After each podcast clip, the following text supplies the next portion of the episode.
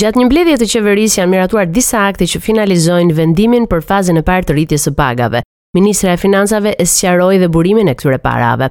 Vendimi i shumicës për të rritur pagat në administratën publike si dhe në disa kategori profesionesh në sektorin publik do t'i kushtojë buxhetit të shtetit deri në vitin 2025 38 miliard lek. Opozita e ka vlerësuar këtë vendim të qeverisë si politikë elektorale, por ministrja Ibrahimaj kujton se ky hap hidhet për të zbutur inflacionin, por edhe për të përfshirë në administratën publike disa profesionistë që deri tani në sektorin privat kanë qenë të mirëpaguar.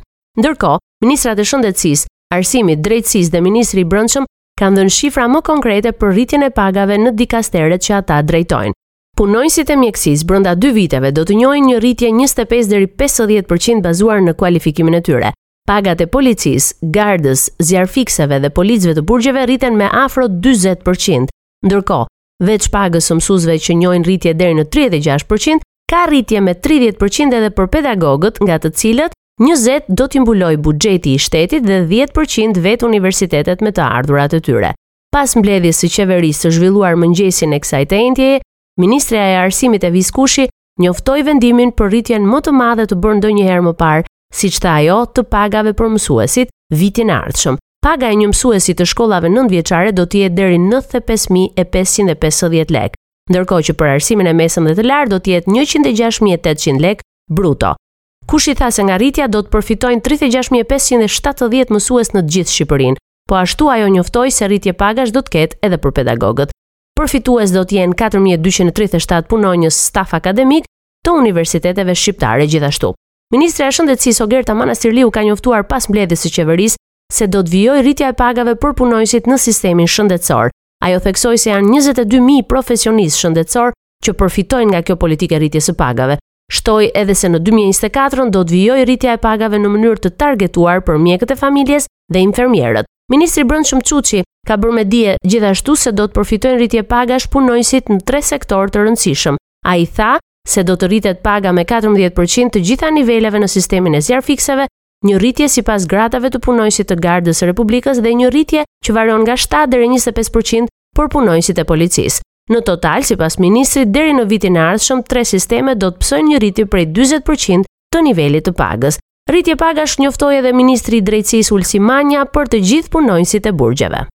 Kryeministri Edi Rama ka qenë prezent gjatë një iftari organizuar nga vetë ai për besimtarët myslimanë, vetëm pak kohë pas daljes nga spitali ku ai u operua për apendicitin, vendosi të mos mungonte në këtë tryezë, ku në vend të tij foli bashkëshortja Linda Rama. Teksa i ka kërkuar besimtarëve myslimanë një agjërim të pranuar, Linda Rama ka treguar përjetimet gjatë orëve ku kryeministri Rama ka qenë i shtruar në spital, ka veçuar edhe një rast përkujdesjeje nga vajzat e bluzave të bardha që është kujdesur për të dhe kryeministrin. Në fund ajo ka uruar që paqja, shëndeti dhe mbarësia t'i prijë familjarisht besimtarët myslimanë dhe agjërimi i tyre të jetë i pranuar.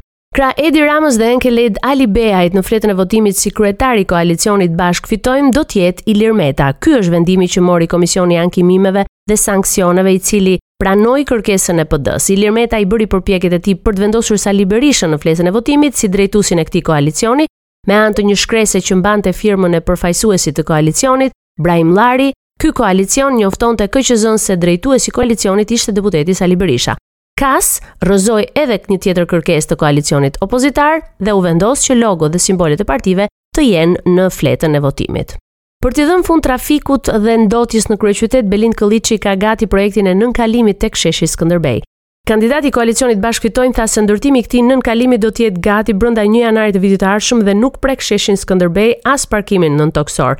Në fjalën e tij, ai dha dhe detaje për buxhetin. Do të ndërtojmë një tunel rreth dyqind metra me katër korsi, dy në vajtje dhe dy në kthim, që do të lidhim Bulevardin Dëshmorët e Kombit me Bulevardin Zogu i Parë për të shfryrë rreth gjashtëdhjetë për qind të trafikut në këtë zonë. Kërkon vetëm katër deri në katër pikë pesë milionë euro për t'u zgjidhur. Brenda datës një janar të vitit dy mijë e njëzet e katër, ky tunel dhe ky projekt do të jetë realitet. Nëse kjo nuk ndodh, jap dorëheqjen para qytetarëve. Këlliçi premtoi gjithashtu edhe ndërtimin e Teatrit Kombëtar në të njëjtin vend ku ishte godina e vjetër edhe me të njëjtin projekt.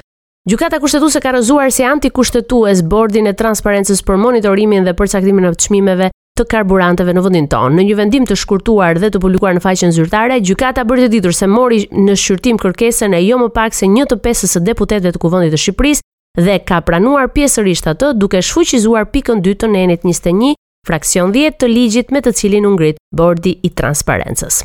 Më herët Gjykata Kushtetuese ka rrëzuar si antikushtetuese edhe Bordin për Monitorimin dhe Përcaktimin e Çmimeve të Ushqimeve të Shportës.